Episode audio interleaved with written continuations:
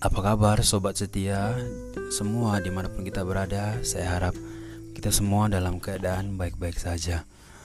Perkenalkan, nama saya Samuel Bonai. Saat ini bertugas di Selam Klinik Danawage di pedalaman Papua. Desa Danawage sendiri dihuni oleh suku asli Korwai Batu Dan suku ini terkenal dahulu kala itu tinggal di atas rumah pohon dan juga terkenal kanibal pastinya. Namun sampai saat ini mereka sudah mulai beradaptasi, sudah mulai tinggal di rumah-rumah panggung dan juga sudah tidak kanibal lagi. Ya, dan juga di sini masyarakat hidup bergantung penuh pada alam sekitar atau bisa kita sebut nomaden. Jadi dari pagi mereka akan pergi ke hutan mencari sayur atau pisang dan akan kembali ke rumah itu pada sore atau bisa sampai malam hari. Jadi mereka hidup memang bergantung penuh kepada alam untuk masalah kesehatan di sini yang paling mendominasi ialah malaria. Malaria menjadi satu penyakit yang mungkin biasa untuk mereka, tapi tidak biasa untuk kita yang mayoritas dari kota. Di sini mereka hampir setiap bulan tuh ada saja kesakitan malaria. Bahkan anak-anak bayi ada yang enam bulan, lima bulan, itu pun sudah terkena malaria dan luar biasa pasti sakit sekali anak-anak kecil sudah harus kena malaria. Padahal mereka masih dalam masa-masa pertumbuhan. Demikian juga balita di setiap minggunya bahkan setiap hari pun ada balita-balita dari desa Danawage atau dari desa-desa lainnya di sekitar Danawage yang datang berobat ke klinik. Itu membuat kami kadang bertanya-tanya kenapa malaria ini terus bertambah banyak? Dan juga sudah minum obat tapi kenapa bulan depan lagi dia kembali? Apakah treatment yang salah atau ya kami bingung seperti itu. Dan juga ada beberapa penyakit seperti ispa dan diare. Jadi ketiga penyakit ini menjadi trending topik di klinik Sulam dan Wage. Dan ter, secara khusus untuk kalau ispa di setiap relawan Papua pasti ada ispa. Cuman untuk diare kami selalu setiap bulannya ada namanya kegiatan PNKS di gereja atau di sekolah. Tapi seperti tidak pernah berakhir dan tidak pernah berkurang penyakit diare. Jadi kadang kami kewalahan dan bingung harus edukasi seperti apa lagi pada masyarakat. Kemudian untuk tantangan berikutnya untuk masalah keamanan. Jadi setiap pedalaman Papua di mana Silom Klinik berada, salah satu pergumulan atau salah satu tantangan daripada rekan-rekan sekalian ialah masalah keamanan. Karena uh, di setiap lokasi Silom Klinik berada, ada beberapa lokasi yang memang berbatasan langsung dengan wilayah konflik.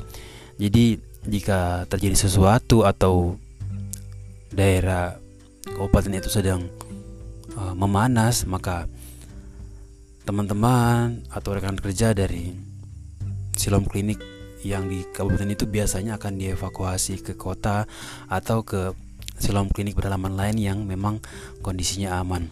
Dan untuk masalah keamanan ini masih menjadi memang masalah utama dalam hal keselamatan. Jadi di setiap ada isu-isu pasti di setiap malam kami tidur itu merasa tidak nyaman apalagi kalau ada anjing yang gonggong itu bisa ada dua kemungkinan. Babi atau ada orang yang datang. Itu selalu membuat kami was-was dan tidak nyaman saat istirahat. Nah kemudian nah, tantangan ketiga mungkin ini bukan suatu tantangan yang besar kan memang itu kewajiban dan tanggung jawab ya. Jadi di sini kita uh, saya jadi saya dan partner saya itu mesti bertanggung jawab penuh itu atas satu kampung ini jadi setiap mereka sakit pasti mereka akan ke rumah di luar jam dinas. Ya bisa dipikirkan sudah pulang dinas dengan lelahnya. Tiba-tiba ada pasien lagi yang datang, Pak Mandri saya sakit, saya sakit malaria. Dan itu tidak mungkin kita atau saya menolaknya. Itu yang menjadi uh, tantangan juga. Jadi harus ekstra bekerja. Ada lagi program-program di luar jam dinas yang harus kita lakukan seperti itu. Ya semakin banyak tugas dan tanggung jawab kadang tuh harus kita jalankan dengan uh, sukacita. Namun kadang juga saya merasa kelelahan dan pusing. Uh, demikian saya juga ingin mengajak kita semua untuk sama-sama mendoakan uh, pelayanan di Papua secara khusus kondisi keamanan karena di setiap kami tadi saya bilang bahwa ada yang berbatasan dengan daerah konflik atau bisa saja daerah yang uh, awalnya aman bisa terjadi konflik. Kita tidak tahu kalau di Papua itu memang ya situasi bisa berubah-ubah sesuka hati. Nah kemudian hari ini saya akan membacakan nats perenungan untuk kita semua dari 2 Petrus 3 ayat 1 sampai 18 dengan judul perikop hari Tuhan Saudara-saudara yang kekasih, ini sudah surat yang kedua yang kutulis kepadamu. Di dalam kedua surat itu aku berusaha menghidupkan pengertian yang murni oleh peringatan-peringatan supaya kamu mengingat akan perkataan yang dahulu telah diucapkan oleh nabi-nabi kudus dan mengingat akan perintah Tuhan dan juru selamat yang telah disampaikan oleh rasul-rasulmu kepadamu.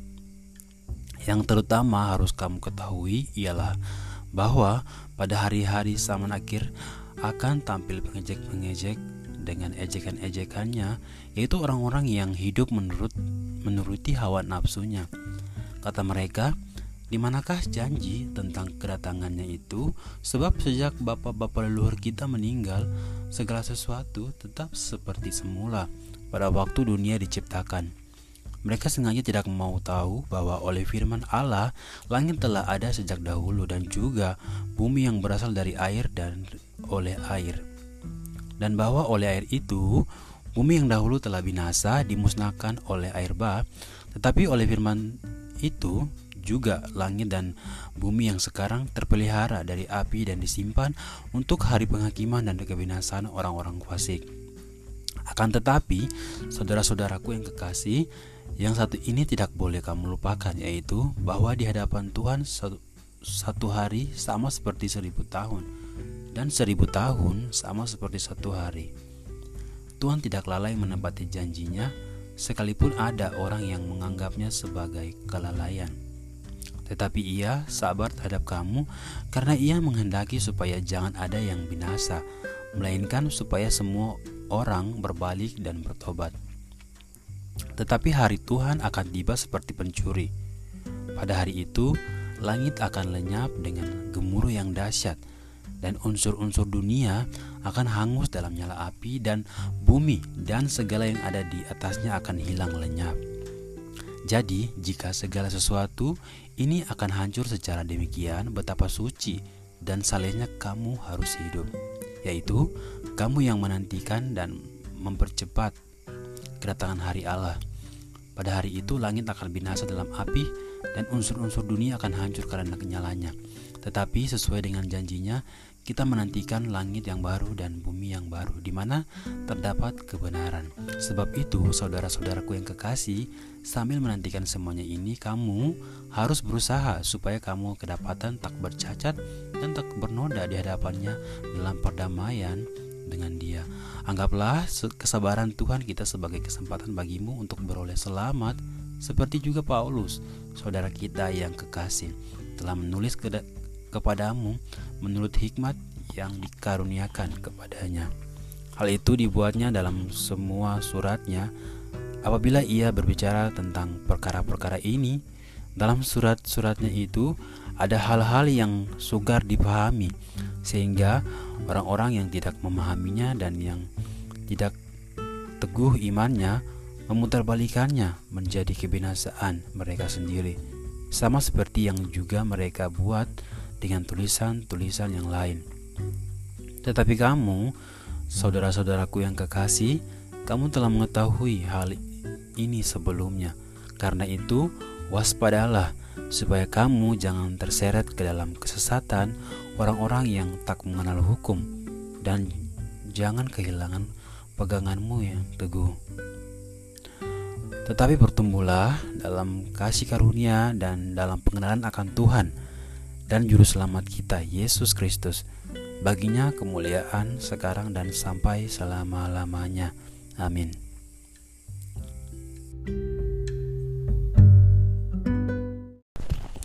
Selamat menikmati SS Podcast episode yang ke-159 Tuhan Yesus memberkati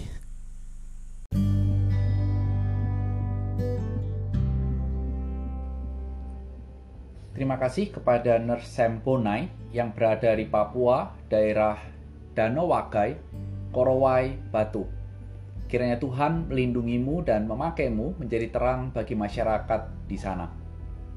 Tema kita hari ini adalah sebuah jawaban bagi yang ragu. Dan mari kita berdoa. Tuhan Yesus, biarlah firman-Mu sekali lagi meneguhkan iman kami dalam berjalan mengikut Engkau. Demi Kristus, amin. Sobat setia, saya akan menceritakan sebuah cerita tentang janji dan sebut saja orang yang menantikan janji itu adalah A. A mendapat janji dari seseorang yang mengatakan bahwa kalau usaha dia berhasil, maka dia akan memberikan sejumlah uang kepada A untuk bisa membayarkan rumah yang saat itu ingin dibeli oleh si A ini. Mendekati tanggal yang dijanjikan bahwa uang itu akan tersedia, si A mendapat kabar bahwa bisnisnya ternyata sudah beberapa minggu lalu di cancel. Sehingga ya tentunya janji itu tidak bisa dipenuhi. Ada rasa kecewa dan ya itulah yang dirasakan oleh si A. Dan peristiwa seperti itu mungkin juga banyak dialami oleh kita semua. Sobat setia saya yakin pasti pernah mengalami hal-hal yang seperti itu. Yang namanya janji itu adalah seperti sebuah pengharapan yang kemungkinan besar pasti ada kemungkinan tidak terlaksana. Dan janji sebagian, janji bagi bagian orang, sebagian orang mungkin dapat dikatakan adalah seperti sebuah air yang sangat diinginkan untuk diminum ketika haus. Namun juga bagi sebagian orang, janji itu seperti sebuah kata yang tidak ingin didengarnya lagi. Sudah, tidak usah berjanji, buktikan saja. Mungkin itu yang ada dalam benak kita. Dan pengalaman dalam kehidupan yang seperti itu sering kali menyebabkan kita sedikit banyak meragukan apa yang menjadi janji Allah dan apa yang tertulis dalam Alkitab kita sebagai kitab suci. Dan hal ini menjadi satu hal yang boleh dikatakan normal karena kita manusia. Tetapi kita perlu melihat bahwa nats yang kita pelajari pada hari ini yang ditulis oleh Rasul Petrus menekankan bahwa juru selamat kita, Kristus, akan datang kembali. Ini sebuah janji dan ini adalah hal yang pasti. Namun ini sebuah janji yang kalau bagi sebagian orang bisa dikontraskan dengan jalannya sejarah, maka orang-orang itu akan berkata bahwa dari sejak nenek moyang bangsa Israel sampai dengan surat Petrus dituliskan, sejarah tetap berjalan. Matahari ya terbit dari timur dan kemudian tenggelam ke barat dan itu berulang, berulang, berulang. Dan janjinya mana? Janji yang dinantikan yang kelihatannya tidak kunjung datang sering kali membuat orang bertanya, dan apakah kita juga bertanya, apakah iya Kristus akan datang? Sudah ribuan tahun loh janji itu diucapkan. Tapi sampai dengan detik ini, ya nggak kunjung datang. Nggak ada buktinya dan belum datang. Hal inilah yang juga menimbulkan cemoohan dari orang-orang yang memang tidak percaya kepada Kristus. Dengan logika dan penjabaran yang dilakukan, sering kali hal itu mengguncang iman kita, mengguncang pengikut-pengikut Kristus untuk menantikan janji Tuhan. Mungkin ada yang berpikir, jangan-jangan yang diucapkan oleh orang itu benar. Kalau kita berpikir seperti itu, saya mengatakan juga, jangan-jangan yang disampaikan oleh orang itu totally wrong. Salah total. Dalam polemik yang dimunculkan, Petrus mengatakan dengan tegas bahwa, bahwa kalau Allah berjanji, pasti Allah akan menepati janjinya belum pernah satu kali pun janji Allah yang tertulis dalam Alkitab itu terpungkiri. Dicatat oleh Alkitab bahwa semua janji Allah itu pasti digenapi. Dan Petrus menjelaskan bahwa kedatangan Kristus yang kedua kali akan terjadi seperti pencuri. Artinya, bisa mendadak kapan pun Kristus akan datang. Oleh karena itu, Rasul Petrus juga mengingatkan kita untuk waspada, supaya kita tidak hidup sesat, hidup setia kepada firman Tuhan. Nah, sobat setia, biarlah ini boleh menjadi sebuah renungan yang menjawab keraguan bagi kita. Bila kita ragu dan bertanya, apakah Tuhan pasti datang kedua kalinya? Jawabannya adalah pasti. Dan biarlah ini boleh kembali menguatkan tekad kita sebagai pengikut Tuhan untuk hidup setia dalam berjalan di belakang Tuhan Yesus. Sehingga ketika suatu kali, suatu saat nanti, Kristus datang sebagai pencuri, dia akan menemukan hidup kita tetap setia kepada Dia. Selamat hidup setia kepada junjungan kita Tuhan Yesus Kristus. Amin.